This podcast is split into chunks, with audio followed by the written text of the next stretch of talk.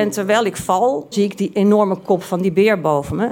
In de wekelijkse podcast Echt Gebeurd worden al meer dan tien jaar mooie, grappige, spannende en ontroerende verhalen verteld door de mensen die ze zelf hebben beleefd. Het regende bommen, dat wil zeggen, om de zoveel tijd ontplofte er een bus. Er zijn al meer dan 400 afleveringen van Echt Gebeurd verschenen. Dit is geen sjamaan, dit is een achterhoeker. Abonneer je nu op Echt Gebeurd in je favoriete podcast-app.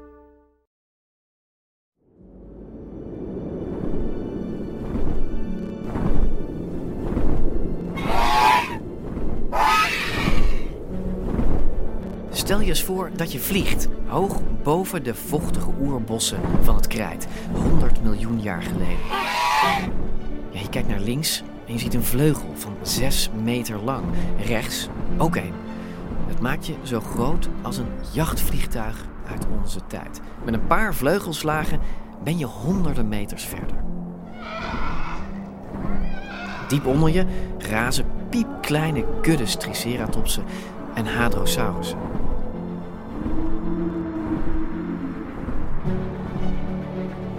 Moeten werkelijk koningen van de lucht zijn geweest. Pteranodon, Quetzalcoatlus en al die tientallen andere soorten pterosauriërs, zoals ze samen heten. Maar in het oude boek, waar Maarten en ik over gebogen zitten, lijken het eerder koningen van de hel. Ja, dit is ook wel. Ah, dit is wel dramatisch. 19e eeuw is dit. Ja, dat is het. Ja, kun je, kun je beschrijven wat we zien? Wat we zien is een, is een 19e eeuwse schilderij, zou ik zeggen. Ja, waarbij, waarbij we de meest primitieve voorstellingen van een pterosaurier, een vliegende dinosaurier, nou, een vliegende een reptiel. reptiel, zo moeten we het eigenlijk noemen. Ziet. En, maar daar zie je aan hoe, hoe ook de verbeelding in de, eeuw, in de ene eeuw heel anders werkt dan in de andere eeuw. Dit is, dit, klopte het wat ik zei? Ja, 1872. Ja. Hè? En, het was een iets andere, ja, ik noem het dan maar Victoriaans. Het was ook een beetje eng. Hè? In Victorianen waren gek op gruwelen en spoken. En, en, nou ja, en tegelijkertijd dat soort van dingen. Dit is ook een beetje een spookachtig dier, toch? Ja, hij, hij is, hij is pikzwart.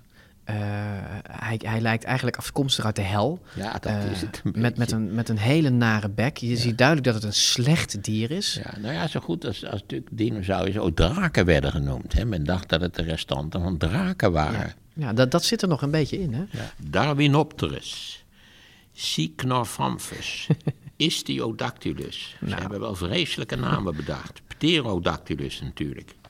Ja, dat dactylus, dat heeft gewoon met vingers te ja, maken. Maar nu komt een moeilijke. Jamphorhynchus.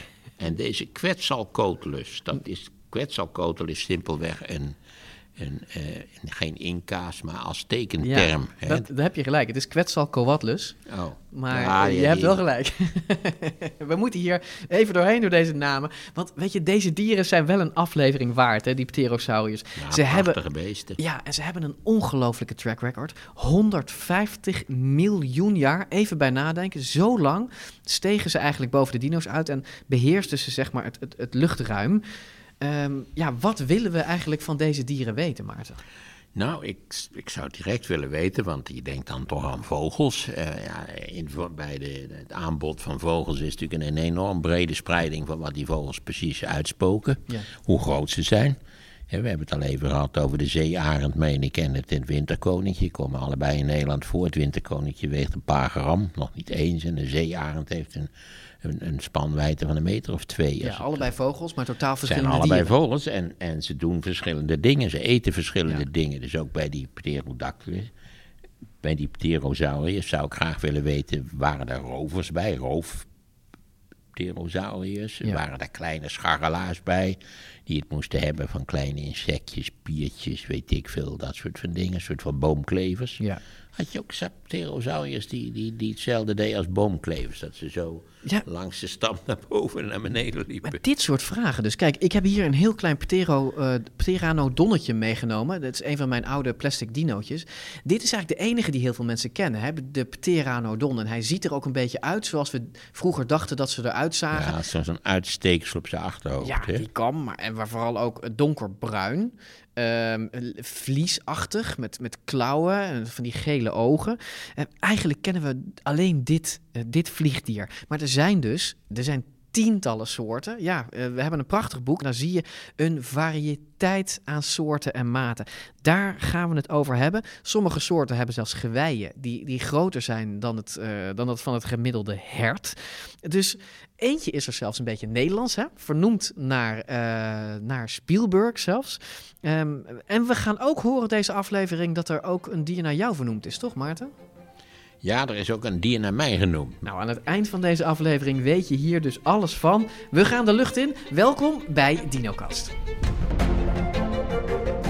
We nemen je mee naar miljoenen jaren geleden, toen de aarde trilde onder de voeten van Triceratops, Stegosaurus, grote langnekken, Tyrannosaurus rex. En resten ontdekt van de grootste dinosaurus. De dino die ze vonden is veel specialer dan ze dachten. More than 20 different dinosaur tracks. Elke week worden er nieuwe dino's opgegraven en de ene ontdekking volgt de andere op. Over veren, de kleur van huid, zelfs over het leefgedrag is het beeld wat je had niet meer geldig. Het is tijd voor een nieuwe kennismaking met oude vrienden. In de podcast voor iedereen die vroeger al van dino's hield en nu nog steeds een beetje. Welkom bij DinoCast. Wij moeten omhoog kijken, Maarten. Kijk, recht boven Al jou. lang gezien natuurlijk, dat begrijp je wel. Boven je, Ik kijk heb- uit, Maarten. Ik heb zelfs gedacht om de, om de schaduw te fotograferen op de grond. Ja, want dit is een, eh een pterosaurier. Een vliegend reptiel, ja, uit de dino-tijd. Precies, een vliegend reptiel uit de dino-tijd. En la- laat ik nu even ook nog mijn, met mijn recent verworven kennis eh, schitteren.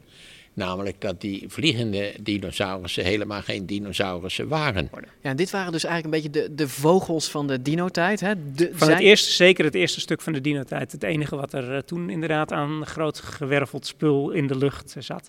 En later, eh, en later in die dino-tijd, in de loop van de Jura en vooral in het Krijt, kregen ze ook gezelschap van de vogels, van de eerste oervogels. Maar je hebt, ze, je hebt ze dus met een spanwijdte. Deze heeft een spanwijdte van nou een meter of zes. Je hebt Ja. ze ook van 12 meter, hè, een klein jachtvliegtuig. Ja. En je hebt ze ook ter grootte van, wat is het, een mus of een merel? En alles ertussenin. Ja, Ja. het is een buitengewoon succesvolle diergroep. En eh, eh, bekend uit eh, Trias, Jura, Krijt, de Maar hele ja, je- dino-tijd. Dat, daar komt natuurlijk, ze kunnen iets wat andere beesten niet kunnen. Namelijk vliegen. Het, het is hartstikke handig Ja. om te vliegen, want je kan ook allerlei voedsel. Je komt overal, kun je je, komt op aanboren. plekken, je komt op plekken waar anderen niet zo makkelijk eh, komen.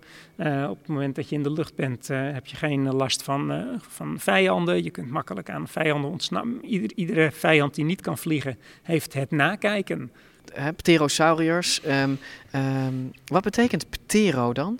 Je vliegen vleugel, de, de, het zijn het vliegende sauriërs. En, en, en pterodactylus, dat is ook een soort. Hè? ja, Dat en dan dactylus, hè, dat is eh, de, de, de vinger, dus de vliegvinger. En dat kun je ook hier heel duidelijk zien. Dan zie je daar twee botjes, dat is de onderarm. En die zitten nog heel dicht bij het lichaam. En dan zie je daar één vingertje uitsteken en een paar kleine frutseltjes. Dat zijn dan die middenhandsbeentjes. En dan nog een heel lang en een lang en een lang. En dat zijn dus allemaal vingerkootjes. Dus het grootste deel van de vleugel van dit beest is eh, een idioot verlengd vinger, eh, serie vingerkootjes. Zijn vleugel is eigenlijk één vinger. Je begint ernaar te verlangen dat je ook zoiets hebt. Hè? Als je betoverd zou worden, zou je het plotseling groeien en dan zou je weg kunnen vliegen. Een Pinocchio-vinger. Daar zat dus een enorm vlies aan, aan, Ja. aan die vinger. Ja, met een krul eh, die ook een beetje naar de achterpoten gaat. Dus die vleugel die buigt dan zo eh, richting, richting de achterpoten. Maar je moet er niet aan En denken dat het een- beest moet landen. Dat, dat moet een spektakel zijn geweest, maar ze kunnen het al 160, eh, ze kunnen het 160 miljoen jaar. Dus dat ging eh, vrij, jij zegt... eh, En, en, ja, en dan starten. Kijk, je weet al hoe moeilijk een zwaan start. Hè, die moet een hele tijd moet hij over dat water peddelen met zijn poot. En dan Ja, heel langzaam ontwikkelt hij voldoende snelheid. buitengewoon eh, klunzig in, in onze beleving. Maar op het moment dat je eenmaal in de lucht bent, zijn het natuurlijk perfecte, perfecte zweefvliegtuigen. Ja, en dat zweefvliegtuigen, dat verzint Anne niet. Dat is vaak getest. How do you test fly an animal model that no one's ever seen before that's the size of a medium fixed wing aircraft? Ja, bijvoorbeeld door YouTube-ster en ingenieur Casey Puch, die een ptero op ware grootte bouwde.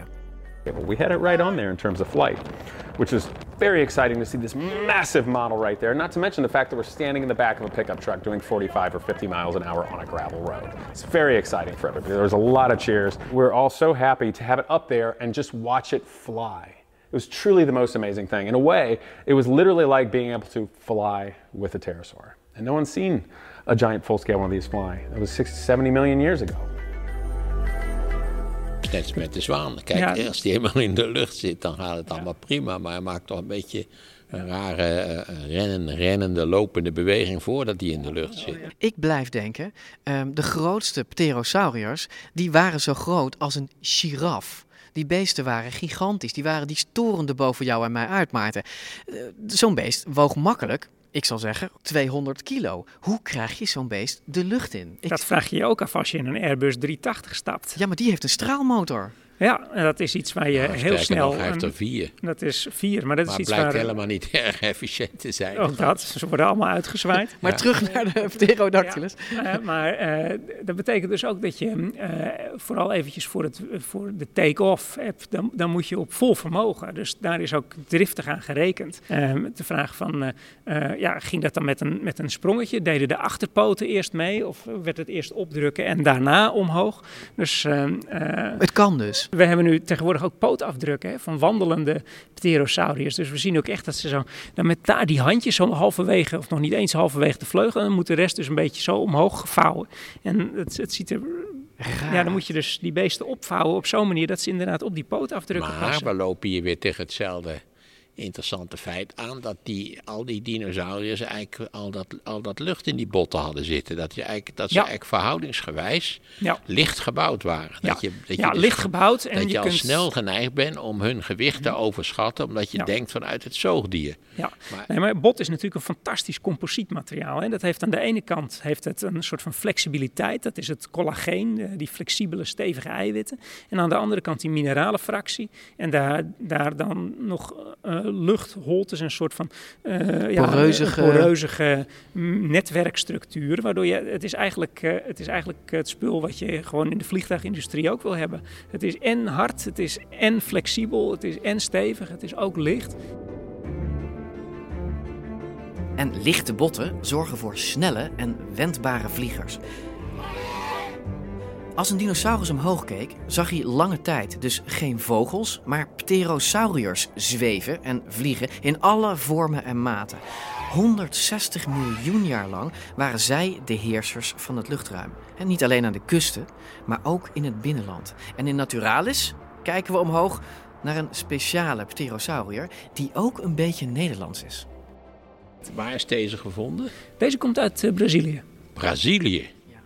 Kijk, ja, ook vind ik ook zo typisch met Brazilië. We hebben het al, allemaal al die locaties die je al benoemd hebben. Het heette toen Brazilië. Ja. Het heet nu Brazilië, ik wou bedoel ik. zeggen, het heet, het Sorry. heet nu Brazilië. Maar dit is wel een pterosaurier met een Nederlands tintje, toch, Anne? Dit is een eh, Pterosaurus eh, die ehm, eh, ook onderwerp is geweest van het proefschrift van André Veldmeijer. En dat is een Nederlander. En dat is een Nederlander. Ja, ik durf het bijna niet te zeggen. De Coloboryngus. De Coloboryngus spielbergi. Dus die, is- Spielbergi, dat Ja. klinkt wel heel eigenaardig Ja, dus dat betekent natuurlijk. dat het een naam is die eh, in ieder geval na pak een beet 1993 gegeven moet zijn. Precies. Want dat was toen de eerste Jurassic Park film uitkwam. Want deze André Veldmeijer, wat is eigenlijk, hij is de expert op het gebied van pterosauriërs in, in Nederland. Ehm, ja, hij heeft dit als nieuwe soort geclassificeerd. En hij mocht dus ook een naam geven. En hij heeft dus gekozen niet voor zijn, zijn moeder, of je eigen naam mag niet hè, maar je moeder of je geliefde. Nee, nee, of je... nee, hij heeft gekozen. Een interessante persoonlijkheid. Hè? Dus laten we eens aan die André Veldmeijer gaan vragen hoe dat zit met zijn Spielbergie. En we gaan hem natuurlijk helemaal uithoren, want dit is de pterokenner van ons land. En je hoort, we verlaten Anne en Maarten dus even. We gaan weg uit Naturalis, want André laat zich namelijk niet door mij naar een museum lokken. Ik moet naar hem. Het volgende station is Bijlen. Station Bijlen.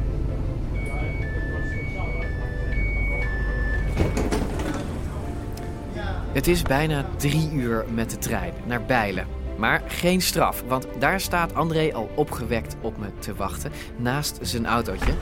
Welkom in mooie Drenthe. Ja, het ziet er prachtig uit. Ja, mooi weer meegenomen. Ik zeg, het wordt een leuke middag.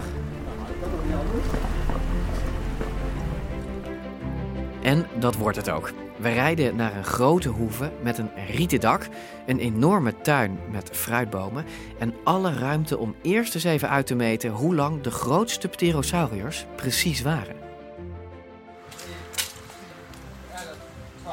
Mijn god, het- maar het is echt gigantisch. Dus van hier tot aan jou waren de vleugels. Ja, dat klopt. Dat was de totale spanwijdte van de grootste die we nu kennen. En dit is dus ongeveer zo groot als een, wat zal ik zeggen, een, een jachtvliegtuig. Ja, zoiets. En 250 kilo zwaar of zo. Ja, dat zijn de schatten. Ik loop een beetje uiteen, maar dat is het max. Ja, wat men schat voor de to- to- totale gewicht. Maar als je je dus voorstelt, ik zal even naar je toe lopen. Als je je dus voorstelt, we blijven schreeuwen. Hoe, hoe groot dit beest moet zijn geweest. Ik bedoel, dat zou hier zo op het dak van je huis kunnen zitten. Ja, daar zou dat dak nog wel moeite mee hebben, denk ik, ja. Niet te geloven. Stel het je wel eens voor. Ja, maar het is, het, is, het is bijna niet voor te stellen. Het is, het is gewoon heel lastig om, om je een beeld te geven van zo'n groot beest bijvoorbeeld op je dak. Kijk, zo'n kleintje, dat lukt dan nog wel. Maar zo'n grote, ja, dat is, dat is toch wel... eh, En met name ook dan weer de hoogte. Kijk, want dan zitten ze, dus die vleugels zijn ingeklapt en die gaan naar achteren toe. Maar dan is het nog steeds, denk ik wel, die hoogte. Nou, het was zo hoog als ik nu ben. Maar een vliegend dier zo hoog, ja, dat is toch wel lastig. Ja. Scary. Ja, scary is, is, is echt het woord hier wel. En kijk, dat is zo van, zit hij er al? Nou, gelukkig nog niet. Scary of niet? André praat met het enthousiasme van iemand die spreekt over zijn grote liefde. Nou ja, liefdes wel te verstaan, want we hebben het dus niet over een paar vliegende reptielen. Het zijn er vele tientallen en geen enkele is hetzelfde. Daar kom ik achter als hij me zijn, zijn boeken, platen, fossielen, afgietsels van pterosauriërs laat zien. Al zo'n 30 jaar is hij verliefd en volgt hij alles wat met deze vliegers te maken heeft. Dan heb je nog de Tapijara, wat een, eh, een, een vrij kleine pterosaurus is geweest, met een spanwijdte van ongeveer anderhalve meter, maar met een hele mooie kop. Want, En die liefde, eh, die komt er voor mijn microfoon in één keer uit. Het regent meteen soorten en voorbeelden. maar deze is leuk, omdat men denkt dat die... Ik wil je toch nog even één eh, hele rare pterosaurus laten zien. Die is echt gewoon bizar. Toen ik hem voor het eerst zag, dat fossiel, dacht ik, nou, dat, die, die is gewoon misvormd. Maar dit is een van mijn favorieten. Ja, nou, dit is een, ehm een pterodaustro. Ja, het lijkt bijna op een kruising tussen een... een, een, een, een wat- Walvis en een flamingo. Nou, dat bedoel ik. ja. Kruising tussen een walvis en een flamingo. Kom ik later op terug. Maar dit zijn dus nog maar de eerste minuten van ons gesprek. Ja, hoe verzin je het om juist deze bizarre schepsels te gaan bestuderen? Waarom koos André niet gewoon een, fatsoenlijke dinosaurus uit? Een, een diplodocus of zo? Wat boeide jou nou zo aan deze groep? Ja, dat ze totaal verschillend zijn dan welke diersoort ook levend of uitgestorven. Weet je, je, kan wel eh diplodocus, maar ja, uiteindelijk is het gewoon, als je een olifant neemt en je trekt zijn sleuven uit en zijn staart uit en je hebt een diplodocus. Het zijn geweldige, fantastische dieren. Maar dit, deze dieren, de hele bouwplan van zo'n pterosaurus is compleet anders. Dus eigenlijk in, in de loop van miljoenen jaren heeft alles in het lichaam van het dier zich, zich op dat ene doel gericht. Zo licht en wendbaar en goed mogelijk kunnen vliegen. De achterpoten zijn in sommige soorten echt heel erg dun. Je moet je voorstellen dat de, de bovenarm van eh, de ptero die, die ik beschreven heb, hè, Colobardinus spielbergi, is ongeveer zo dik als mijn onderarm. Dat is Mhm. een flinke joekel. Terwijl het achterbeen is ongeveer zo dik als mijn pink. Wow, daar Dat kon hij eigenlijk bijna niks mee. Dat het verschil is enorm. Nee, want alles werd gedragen door die voorkant. Die hele bouw van een pterosaurier lichaam is heel anders dan van een dino. Anders dan een dino of een zoogdier of een vogel dus. En je snapt daarmee misschien ook de verbazing die mensen hadden toen de allereerste pterosaurier werd gevonden. En dat gebeurde al bijna 300 jaar geleden in Duitsland, al rond het jaar 1750.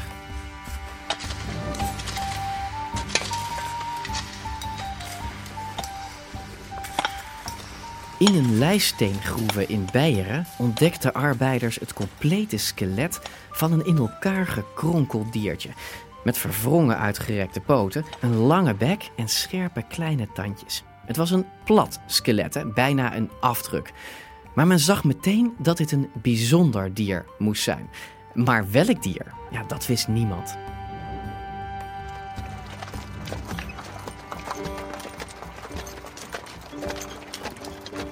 De stenen plaat met het skelet werd meegenomen en kwam terecht in de collectie van een Duitse keurvorst.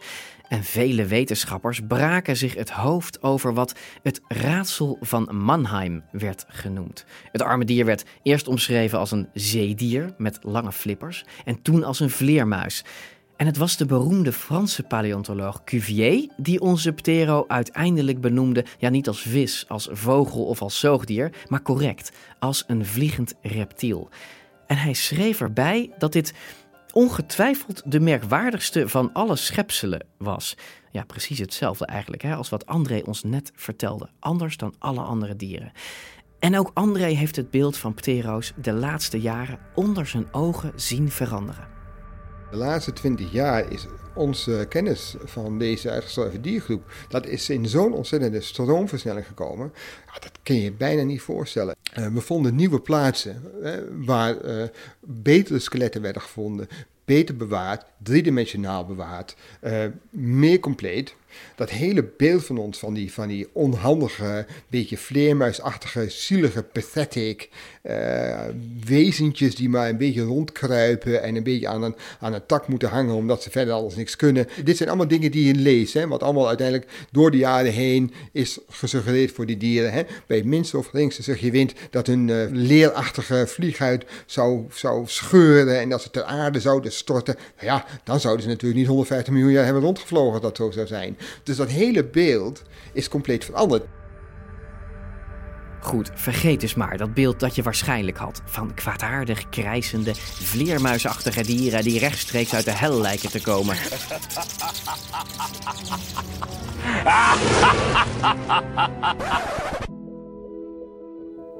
Want dat is niet wat pterosauriërs zijn. Als ik de boeken en platen van André doorkijk, dan verdwijnt dat beeld en ontvouwt zich juist een, een dierenwereld in allerlei kleuren en vormen. Denk eens met me mee aan, onze toekan en, en, en de neushoornvogel met hun enorme snavels. Aan de pelikaan, de lepelaar met hun bizarre snavelvormen. En de papegaaiduiker met een bek in alle kleuren van de regenboog.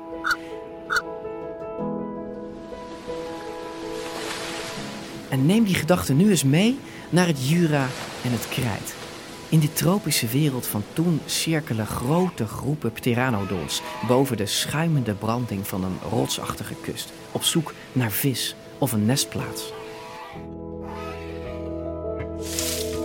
En op de savannes in het binnenland torent een stel reusachtige kwetsalcoatlussen meters hoog boven de varens uit als enorme loopvogels op jacht naar een jonge dino of een, of een zoogdiertje dat even niet oplet. En plat aangeklemd tegen de stam van een grote woudreus zit Sinopterus, een ptero met een bek die lijkt op een toekan en scherpe klauwtjes aan zijn vleugels, waarmee hij waarschijnlijk snel in bomen kon klimmen, op zoek naar ja, vruchten of als het meezit, een nest met jonkies om te plunderen. Een wereld dus van verscheidenheid. Er zijn al meer dan 150 verschillende soorten pterosauriërs ontdekt. Ieder met een unieke snavel, hè, afhankelijk van het voedsel wat ze aten. Vlees, vis, schelpdieren of bessen. En ieder ook met een eigen kam op het hoofd. Niet alle soorten, maar de meeste soorten hebben een of andere kam op hun kop. Het kan voor op de snuit zijn, een mooie grote bolle kam. Die kan ook wat kleiner zijn. Die kan helemaal alleen gemaakt zijn van bot. Of die kan gemaakt zijn van wat zacht, uh, zacht materiaal, zoals huid. Uh, grote kammen achter op de kop. Uh, dat varieert van, van geweiachtige, enorme geweiachtige um, uitsteeksels tot, uh, tot wat subtielere, meer, meer ja, banaanvormige uitsteeksels. Maar dus een enorme variatie. Ja, maar echt. En, en ik vraag me natuurlijk af, waar zijn ze dan voor? Weten we dat? Ja, nou ja, door de jaren heen zijn er heel veel verschillende um, uh, functies aan, aan toebedeeld. Bijvoorbeeld, het zou helpen met, uh, met het sturen in de lucht. Maar ja, als de mannetjes ze wel hebben en de vrouwtjes niet, dan betekent dat de vrouwtjes dan een heel ander leven leiden dan de mannetjes. Nou, dat is natuurlijk zeer onwaarschijnlijk. Is wel uh, beredeneerd dat ze zouden helpen, die kammen, um, om in het water uh, vis te kunnen grijpen. Je moet je voorstellen, als je een grote dunne kam uh, voor op je schedel hebt en je duikt het water in met je kop. dan klieft hij natuurlijk het water open en is het makkelijker om die vis eruit te grijpen. Maar dat is eigenlijk alleen maar handig voor één specifieke manier van vissen. Dipfishing, zoals ze dat noemen. Nou, dat zou een mogelijkheid zijn, maar ook daar geldt weer voor dat als de ene het wel heeft en de ander niet, is het toch onwaarschijnlijk dat dat de reden Nou is. want ook uh, pterosauriërs die, die misschien bessen aten of vlees aten of andere manieren aan hun voedsel kwamen, hebben ook die kammen. Nou ja, precies. Dus we weten eigenlijk, dus er is steeds meer bewijs en overtuigend bewijs dat het merendeel van die kammen hè, toch uh, te maken heeft met seksueel dimorfisme. En dat betekent dat een mannetje en een vrouwtje er uh, fysiek anders uitzien. Dus, dus daardoor weten we eigenlijk, of is de kans dus groot, dat die, die kammen vooral als versiering, als, uh, om te flirten, om eigenlijk als reclame voor jezelf dienen, als uithangbord. Nou letterlijk. ja, ook, ook dat, naar de vrouwtjes toe, maar ook om de rivalise rivaliserende mannetjes te imponeren. Van kijk, mijn kam is groter en ik blaas hem bijvoorbeeld rood op, hè? dus niet dat hij dikker wordt, maar ik maak hem roder. Of oh, mijn wat, weet ik veel, een andere kleur die, die, die imponeert. Grote, soms kleurige reclameborden. Dus eigenlijk hè, om anderen te imponeren. Of juist om dames aan te trekken. Hetzelfde dus als we eerder zagen bij Stegosaurus en Triceratops. Maar als je al die voorbeelden ziet, dan lijkt het toch alsof de evolutie hier en daar wat doorgeschoten is. Je houdt hier een, een, plaatje op van een. Ik, ik zal er een op de site zetten. Op dinocast.nl kun je het zelf uh, zien, de afbeelding. En je ziet eigenlijk een, een soort pteranodon. Maar dan met een derde vleugel op zijn hoofd. Want zo groot is dat gewei. En ik denk meteen, uh, André. Hoe kan dat beest met zo'n groot gewei vliegen? Het ziet er bijna bespottelijk uit. Nou ja, dat, het is wel inderdaad heel groot. Nou, het leuke hiervan is, hè, is een Nyctosaurus. Er zijn dus gelijk paleontologen geweest die hebben gezegd... ja, nee, maar die, uh, die twee staken die zijn met elkaar verbonden geweest met een heel groot zeil. En dat heeft dan geholpen met het navigeren in de lucht als een soort van, uh, van stuur, zeg maar, net zoals de vleugel van een, uh, van, een, van, een, van een vliegtuig. Maar dat is niet zo, want we zien eigenlijk altijd daar waar de hele grote kammen zijn van, zeg maar, van huid... dan zie je dat aan de randen van het bot ja, die, die, die zijn niet glad. Hè? Dat, dat, dat moet natuurlijk vastgezet worden met spieren en met weefsel. En dit is wel huid. glad. En dit is hartstikke glad. Het is net zoiets als een gewei van een, van een het. Dus dat is, dat is echt, dit is echt het bizar, dit is het meest bizarre, uh, zeg maar, kam op een, om een hoofd van een, van een, eigenlijk van een pterosaurus. En wat zit er nog meer in die kop? Nou, een grote bek, soms gevuld met een slordige rij tanden. En hersenen, natuurlijk. En als je weet wat de vorm was van die hersenen, dan weet je ook waar deze dieren goed in zijn geweest en waar juist niet. En toevallig heeft André een 3D-model van zo'n ptero-brain liggen. Dit is een echt, zeg maar, één op één afgifte van een hersen. En weet je wat er nou vaak gebeurt? Ik, ik... Dat is dat de hersenholte ja, de hersenen zijn de eerste onderdelen van een lichaam samen met het oog die, die vergaan. Want het is natuurlijk voor, weet ik veel, 95, 99 water. Ja, dus die hersenholte die vult zich op met sediment in een zogenaamde endocast. Ja, dus dat is een afdruk hè, uh, in drie dimensies van de hersenholte. Dus we weten heel goed hoe een hersen van de hersenen van een pterosaurus eruit ziet. Dit is kleiner dan een walnoot, hè? Nou, dit is wel een dikke walnoot, hoor. Oké, okay, goed. Ja, maar ja, goed. We zeggen maar toch grootte van een walnoot. Je weet hoe groot die hersenen waren. Je weet, je weet welke vorm ze hadden. Maar weet je ook wat ze dan konden? Ja. Hoe dan? Die hersenen die zijn, die, die, die lijken heel erg op vogelhersenen. Um, de delen die uh, te maken hebben met, uh, met oriëntatie hè? Ja. Uh, en vliegen, ja, die zijn relatief groot. Hè? Net zoals bij vogels. Hè? Die, die, ze, ze, kunnen ook goed zien, net zoals bij vogels. Dat zijn die blauwe delen. Ja? En deze, deze, deze delen hier, ja, die hebben te maken met evenwicht en balans. Dat is veel die zijn beter. gigantisch. Ja, die zijn gigantisch. Zie je ook wat ze niet zo goed konden? Ja, ze konden niet zo goed ruiken. Oh. Dat onderdeel voor het, voor het reukvermogen is bijna niet ontwikkeld. Ja, dat heb je ook niet nodig. Er zijn heel veel vogels die niet kunnen ruiken. En dan die andere vraag waar ik nog zo mee zit. De vleugels van een ptero die waren gemaakt van stevige, gelaagde, peesachtige vliezen. Maar hoe zat dat dan met de rest van zijn huid? Haren, veren, vacht, wat hadden ze? Nou, dat is, dat is leuk. Al in de jaren 70 zijn er fossielen gevonden die, uh, waar men toen al heeft, heeft kunnen vaststellen dat er zeg maar haar op zat. Nou, gelukkig zijn ook nu weer veel betere methodes, maar ook veel beter bewaard gebleven fossielen bekend. Dus we weten nu dat het een, een, een haarachtige constructie is geweest. Het is geen echt haar. We noemen dat dan ook pycnofibrine, maar goed, moeilijk woord. Anyway, het is een haarachtige bedekking geweest. Maar ik ben gewoon benieuwd, als je zo'n beest over de rug zou aaien, zou dat dan zacht zijn? Nou, waarschijnlijk niet zo zacht als bijvoorbeeld eh, eh, bij de doorsnee hond. Eh, het zal toch wel iets, iets harder geweest zijn. Ehm, Maar je zou wel degelijk haartjes kunnen zien zitten en voelen. ja, ja, maar dat kun je op de fossielen zelf zien. Ehm, hadden ze die haren dan, dan overal op hun lichaam, eh, op hun kop? Ehm, ehm, verschilde dat heel erg? Ja, dat, dat, dat schijnt te verschillen. Maar hier heb je natuurlijk een gebrek aan, gebrek aan voorbeelden. Hè? Eh, we hebben een paar, een paar eh, mooie fossielen met, met haar. En daar lijkt het op te wijzen dat dat wel verschillend is geweest. En haren, die hebben kleur. Maar Weten we welke kleur deze Nee, dieren maar ja, hadden? dat, dat, dat, als je me deze vraag zeg, vijf jaar geleden gesteld zou hebben, dan zou ik tegen je zeggen van joh, kleur kunnen wij niet bepalen.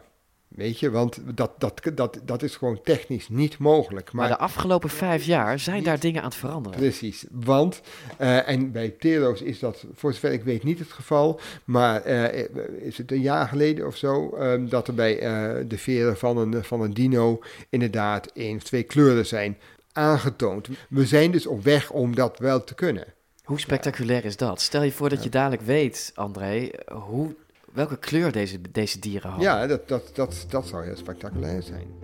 En er is nog een terrein waar de ontdekkingen elkaar snel opvolgen, namelijk jongen krijgen en opvoeden.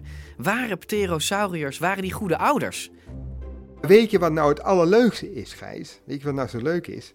We hebben tot, zeg, 10, 15 jaar geleden niet hoe eh, pterosauriërs zich voortplanten. We hadden natuurlijk wel een idee, maar we hadden nog nooit eieren gevonden. Of dieren met eieren in hun, of, of, of wat dan ook maar. Tot ongeveer, nou ja, ik geloof in 2003 of 2004 de eerste. Maar toen kwamen er gelijk drie vondsten tegelijk. Twee uit China en één nesting site. Dan we gezegd, yes, yes, zie je wel, we hadden gelijk, ze hebben eieren. Weet je, Eureka-moment, hè? Ja. ja. En, ehm, ja, en dan komt de vraag van, ja, hoe zagen die eieren eruit? Nou, ze waren dus niet zoals vogeleieren. Niet, Hè? niet, niet Nee. hard en eh, Nee, het is geen kippenei. Nee, veel meer vergelijkbaar met de eieren van, eh, van, eh, van de huidige reptielen, hè? van, van ehm, Slangen of, van amfibieën. hè? Dus zachte schaal, ehm, hele dunne zachte schaal. Konden, konden pterosaurier moeders op hun eieren zitten? Konden ze ze bebroeden, zeg maar? Nou ja, dat. De, de, de vorm van, de, van het ei, hè, dus dat ze heel dun zijn, flexibel, dat, dat suggereert dat ze dat niet gedaan hebben, maar dat ze hun eieren in, in warme nesten hebben gelegd, die een beetje broeiden met, met organisch materiaal. En de laatste jaren wordt er snel meer bekend over die parental care. En bijvoorbeeld door een vondst van wel 200 ptero-eieren in China. Chinese and Brazilian scientists recently discovered almost perfectly preserved pterosaur eggs in China. a groundbreaking paleontological discovery the unearthing of hundreds of pterosaur eggs and bones that were found in northwestern China. Pterosaurs, the airborne cousins of dinosaurs, disappeared 66 million years ago, and only a handful of their eggs had been found until now. So now, for the first time, we are actually able to see something about the behavior of those animals. And what we have learned is that as soon as they hatched, they could walk, but they could not fly. That means that for some time, parents had to take care of them. We hebben het al over gehad. De kleinste is zo groot als een musje. En de grootste is zo groot als een giraf. Kan je je voorstellen dat daar een heel scala aan, aan eh, parental care in zou kunnen zitten. Ik kan me best voorstellen dat zo'n grote als Dargid, Zo'n reuze pterosaurier. ja, zo'n hele grote giraf, grote eh, pterosaurier, ze relatief eh, onvolwassen geboren worden en dan enorm snel groeien. Net zoals walvissen, weet je. Die hebben een, een groeiratio, dat is echt gewoon, dan kun je als, als mens, dan zou je dus in één dag van 1 naar 2,50 meter groeien of iets dergelijks, Ja, weet je. ja. En ik kan me best voorstellen dat dat bij die hele grote eh girafachtige Asdarchidae, dat dat ook zo'n verloop heeft. Terwijl de wat kleinere, misschien daar zitten wel nestvlieders bij. Of juist nestblijvers, ook wel nestblijvers. Zijn er ooit nesten gevonden van pterosauriërs? Nee. Nou ja, er is een nesting site gevonden eh, in Zuid-Amerika. Maar dat men heeft daar volgens mij geen ehm, echte nesten aan kunnen eh, eh, onderscheiden. En dan, vaak worden pterosauriërs afgebeeld zoals zeemeeuwen. Hè? Massaal broedend op de rotsen, kliffen aan zee. Where once there was solid land, Now there are ragged cliffs, buzzing with a colourful abundance of flying reptiles called pterosaurs. In grote groepen dus, en niet alleen. Klopt dat wel? Ja, ik zou, ik zou niet weten waarom dat niet zou kunnen. We hebben best wel een, een, een idee dat eh, sommige soorten inderdaad eh, in, in eh, groepen hebben geleefd. Eh, maar andere soorten die hebben waarschijnlijk meer solitaire leefwijze gehad. Eh, nou ja, als je in groepen leeft, dan is het niet meer dan logisch dat je ook in groepen broeit. Eh, of. Broedt. Ja, Ja. maar het is een broeiend nest. Ja, vandaar. ja, precies. Ehm, en het heeft natuurlijk ook een, een beschermende functie. Hè? Als je wat kleiner bent, eh, dan is het vaak handig dat je met meerdere bent, want daarmee vergroot je je kans om, om te overleven. Hè, dus dat zou me allemaal niks verbazen. Ik, ik verzet me heel erg tegen dat, dat, dat beeld, dat wat we weten van de een, dat dus alle andere pterosauriërs het ook zo gedaan hebben. Goed, we hebben al een beter beeld van de ptero's, toch? We weten nu alles van de kammen, de hersenen. Ze hadden dus soort van haren, maar ze waren niet enorm aardbaar. Ze leggen zachte eieren en waren waarschijnlijk best lieve ouders voor hun kroost. Maar de belangrijkste vraag vergeet ik bijna, want ik zit hier toch tegenover de ontdekker van een eigen pterosaurier. Colom... Maar kun je het een keer voordoen? Coloborhynchus. Col, col, Coloborhynchus. Coloborhynchus. De Coloborhynchus. De, de, de.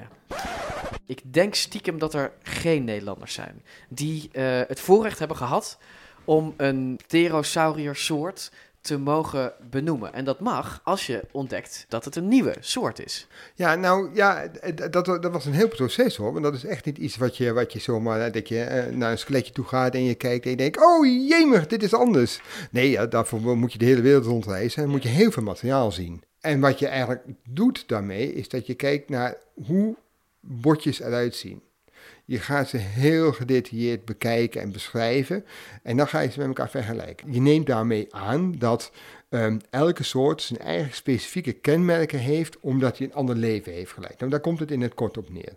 Ja, en dus ik zie een, een iets jongere André Veldmeijer, gebogen ehm, over eh, hele kleine botjes, Ja. met vergrootglazen in het licht van een lampje, ehm, alles vergelijkend en noterend. Ja, microscopen en zo. Ja, dat klopt. En dan kom je tot een beschrijving zoals ik dan hier laat zien. Eh, met, met, eh, ja, waarbij alle botonderdelen benoemd worden. Ehm, Ja, dit zijn dus, dit zijn dus bladzijden die je laat zien, vol, eh, vol, ja, tekeningen met per bot een beschrijving van, van eigenlijk alles. ja, pas als je heel goed weet hoe dat eruit ziet, ga je naar een ander fossiel. Waarvan je denkt van nou, is dat verschillend of niet? Nou, dat ga je dat ook bekijken. En zo zie je verschillen en overeenkomsten.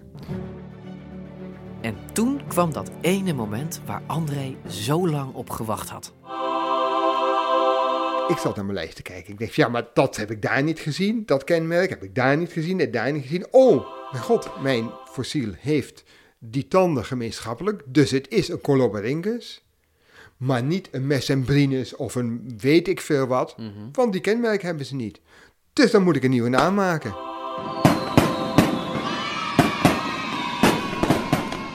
Ja, en, en dan, wat doe je dan? Eh, juichen? Of eh, Ja, heb je er een, ja, wel heb juichen, er want een het is- flesje eh, champagne op opengetrokken? Ja, nou gedaan? ja, goed. Het, het is, het is natuurlijk wel leuk om te doen. Maar het er zijn natuurlijk mensen die, die hebben heel veel soorten gemaakt. Oké, heel bescheiden. Maar dan, je hebt een, een, een nieuw dier ontdekt. Dat mag je een naam geven. Die naam, die blijft. Die schrijft geschiedenis. Dus welke kies je? En hier werd het gesprek toch even pittig. Je kan... Oké, let op. Als, als, als, eh, ik, stel je Ja, voor dat ik een dino een naam mag geven. Wat zou ik doen? Ik zou denken, je kan je je eigen naam geven. Dat mag niet. Haha, dat mag niet. Dat mag niet. Oké, kan je de Je naam mag ook niet je... zelf stemmen, dus dat mag niet. Kun je niet de naam van, eh, van je vrouw of zo geven? Of van je man? Of van je Nou ja, kinderen? weet je, je of van je... ja, dat van je... Nou ja, dat, dat weet ik allemaal niet. Dat weet ik al niet. Volgens mij mag dat allemaal wel. Maar je, wat, wat eigenlijk het leukste is, is dat, en dat doe ik ook eigenlijk met mijn boeken. Hè, dat draag ik altijd op aan iemand die, ja, waar ik van onder de indruk ben of zo. En dat, dat vond ik hier eigenlijk ook het meest toepasselijke. Ik, ik, ik, ik, ik ben een groot fan van, eh, van, eh, van iemand. eh, en ik vond het leuk om juist wat hij betekend heeft voor paleontologie. Want dat is veel meer dan hij waarschijnlijk zelf denkt. om die op die manier te eren. En daarom heb ik hem vernoemd naar mijn, in mijn naamgeving. Steven Spielberg. Klopt. Dus hij heet de Coloboryngus Spielbergi. Ja, dat klopt. En het is Ja. dus een, een, een hard eerbetoon aan Steven Spielberg voor, voor het maken van Jurassic Park. Ja, ik herinner me nog dat ik naar de bioscoop ging en voor het eerst, en ik krijg nu te plekke kippenvel van, die dino's zag, echt zag lopen in de eerste Jurassic Park film. Die grote weide waar dan die paleontoloog met die, met die kinderen en zo, en dan komen die, die Leopardosaurussen komen eraan.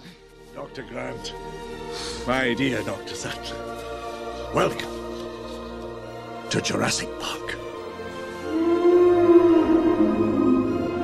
En dat moment specifiek, dat, dat, dat, dat blijft mij tot, tot aan mijn dood eh, indruk op me maken. In die tijd was het echt ongeëvenaard goed.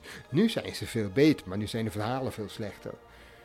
Weet Steven Spielberg dit, dat er een, eh een pterosaurier naar hem is vernoemd door eh, André Veldmeijer uit Nederland? Nou, ik heb, ehm, ik heb, eh, ik heb een, ehm, een, een exemplaar opgestuurd aan zijn kantoor. Ik heb nooit wat van gehoord. Hij weet het niet. Steven Ah, Spielberg misschien- weet het niet. Nou, misschien weet hij het wel, maar, maar heeft hij gezegd van joh, whatever. Of vindt hij het gewoon niet belangrijk genoeg? Of, of weet hij het echt niet? Ik weet het niet.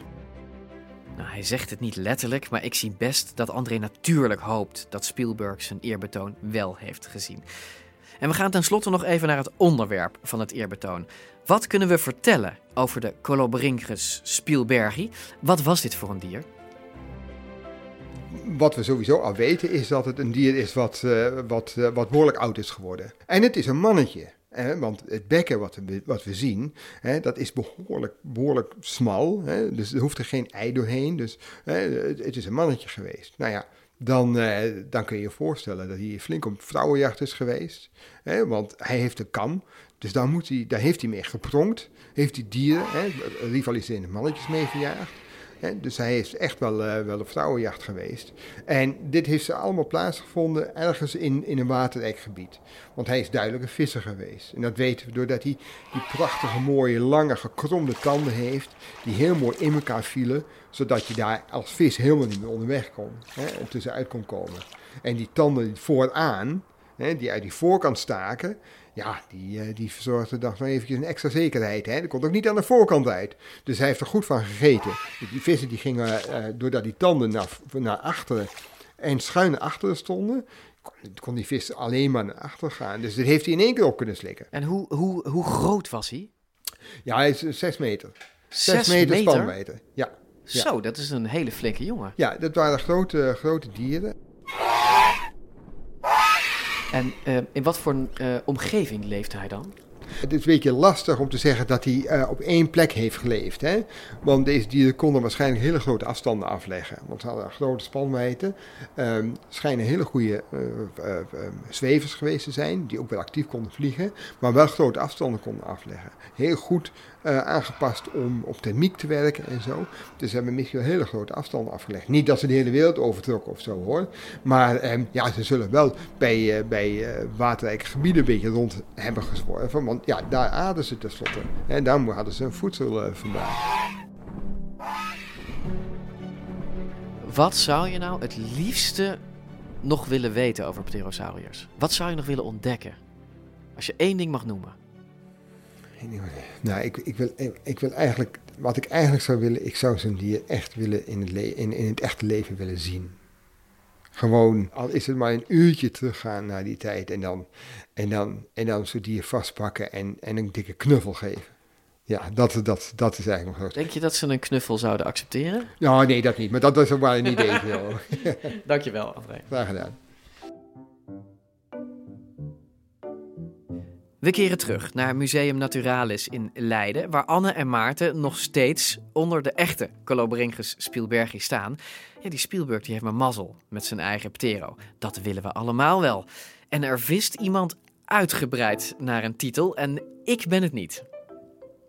Want ik begreep dat er elke week een nieuwe werd gevonden. Ja, Nou ja, dat betekent dat je sowieso al 52 keer per jaar eh, de noodzaak van een naam nodig hebt.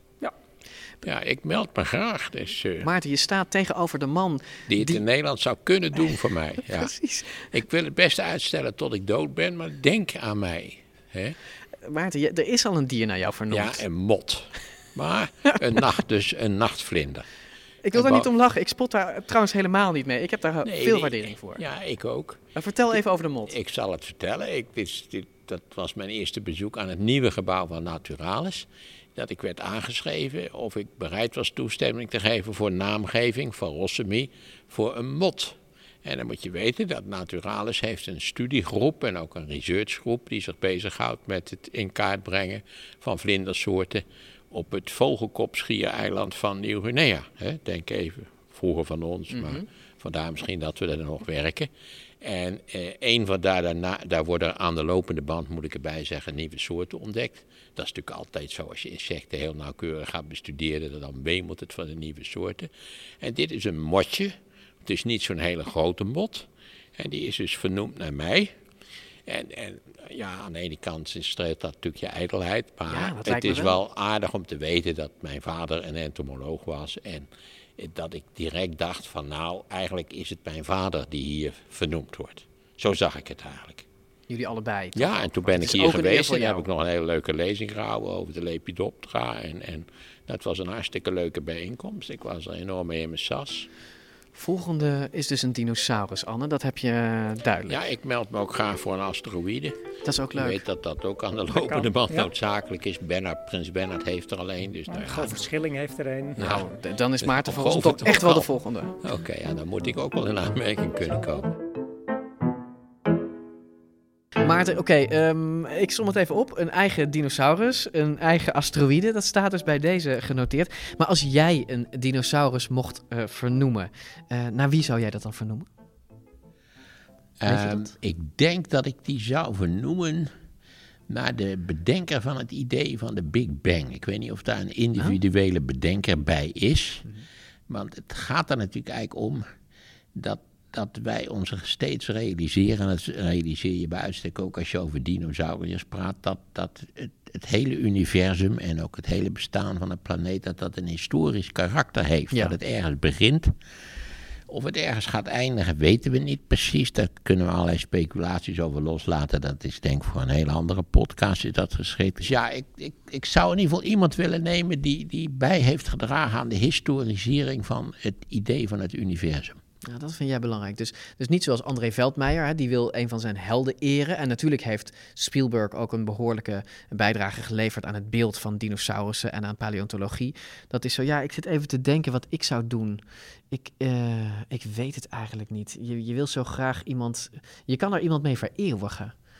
Hè? Ja, maar Dus- het komt altijd meer dat het dan Prins Bernhard wordt. Nou, En dan, heb ik liever maar dat hij gewoon Jansen wordt genoemd, eerlijk En, gezegd. en, en ik, ik zit er soms ook te denken, misschien moeten we het niet zo serieus nemen. Misschien moeten we gewoon een, eh, een, eh, een dinosaurus die, eh, als je goed kijkt waar die op lijkt. En eh, misschien moet je hem dan gewoon naar Harry Potter vernoemen. of Nee, naar... eh, aangezien er alsmaar dinosauriërs bij komen. Het is natuurlijk, eh, tenslotte runnen we, hebben hebben we geen namen voldoende om ze allemaal een, een mooie, leuke naam te geven natuurlijk. Dat is net als met die asteroïden.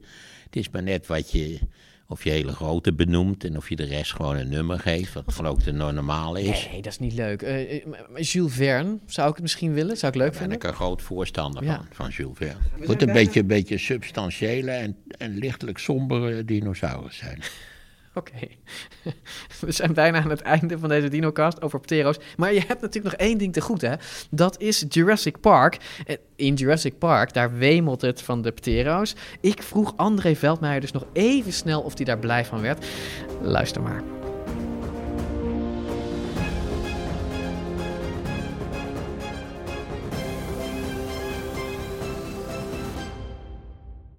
Wat vind je dat hij met pterosauriërs heeft gedaan dan in de Jurassic Park 2 en 3 films?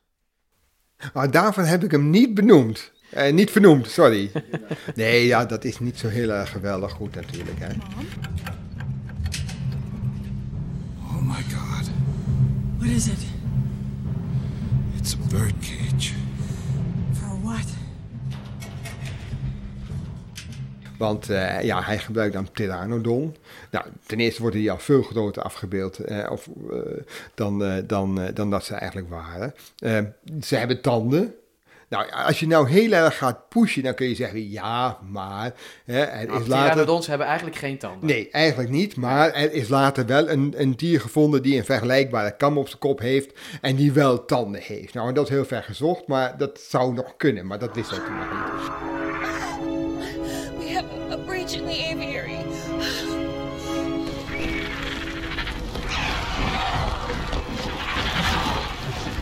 Eh, ja, en ze grijpen ook de prooi met hun achterpoten, maar dat kunnen pterosauriërs helemaal niet, geen enkele. Hè, want ze hebben dus, net, vogels kunnen dat wel, want die hebben dus, eh, zeg maar, de vier, vier vingers. En dan de vijfde vinger, die staat daar eh, ja, haaks tegenover, zeg maar, zodat ze echt om een, om een, om een takje heen kunnen grijpen. Met, hè, Ja. Als je een vogeltje op je hand hebt gehad, dan weet je wel dat ze ook heel krachtig zijn. Ja, pterosauriërs hadden dat niet, die, die liepen op die poten. Dus zij konden helemaal die mensen niet oppakken en eh, neersmijten. Dat kon helemaal niet. Nee. Dus dat is natuurlijk al heel erg raar.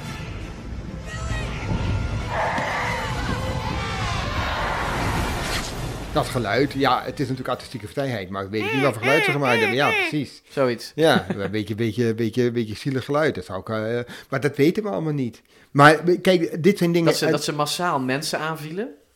Nou ja, de, die mensen waren veel te groot, groot om als prooi te dienen. Dus dat, dat zullen ze niet gedaan hebben. Ook in, in het echt zouden ze dat niet gedaan hebben. Ja, misschien wel als je te dicht bij het nest komt om ze om weg te jagen. Dat doen sommige vogels ook. In de buurt zit een die, eh, die mensen verjaagt.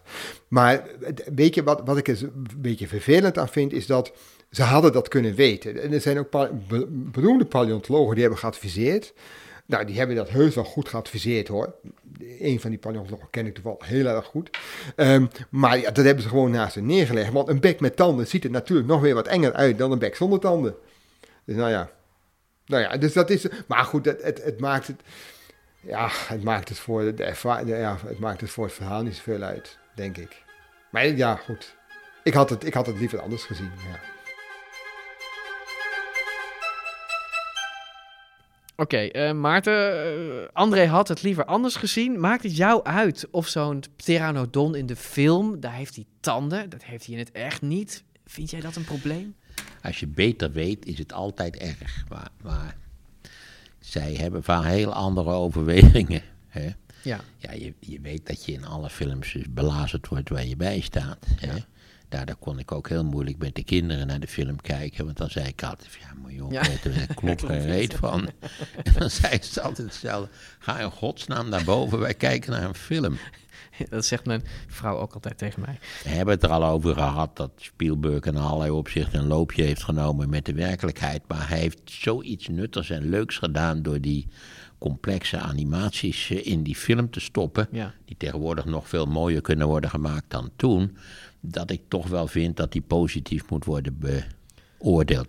Ja, en ik zou nog even terugkomen op die kruising tussen die walvis en die flamingo. Ja, Maarten, dat gaat om de Pterodaustro. En daarover zei een paleontoloog: Het lijkt wel alsof deze met zijn bek open een bezemkast is ingevlogen. En zo lijkt het ook een beetje. Wil je hem zelf eh, zien, een plaatje daarvan in elk geval, dan kun je naar dinocast.nl en daar staat hij in onze Pterosauriërs sectie. Daar staat een plaatje van in de beschrijving.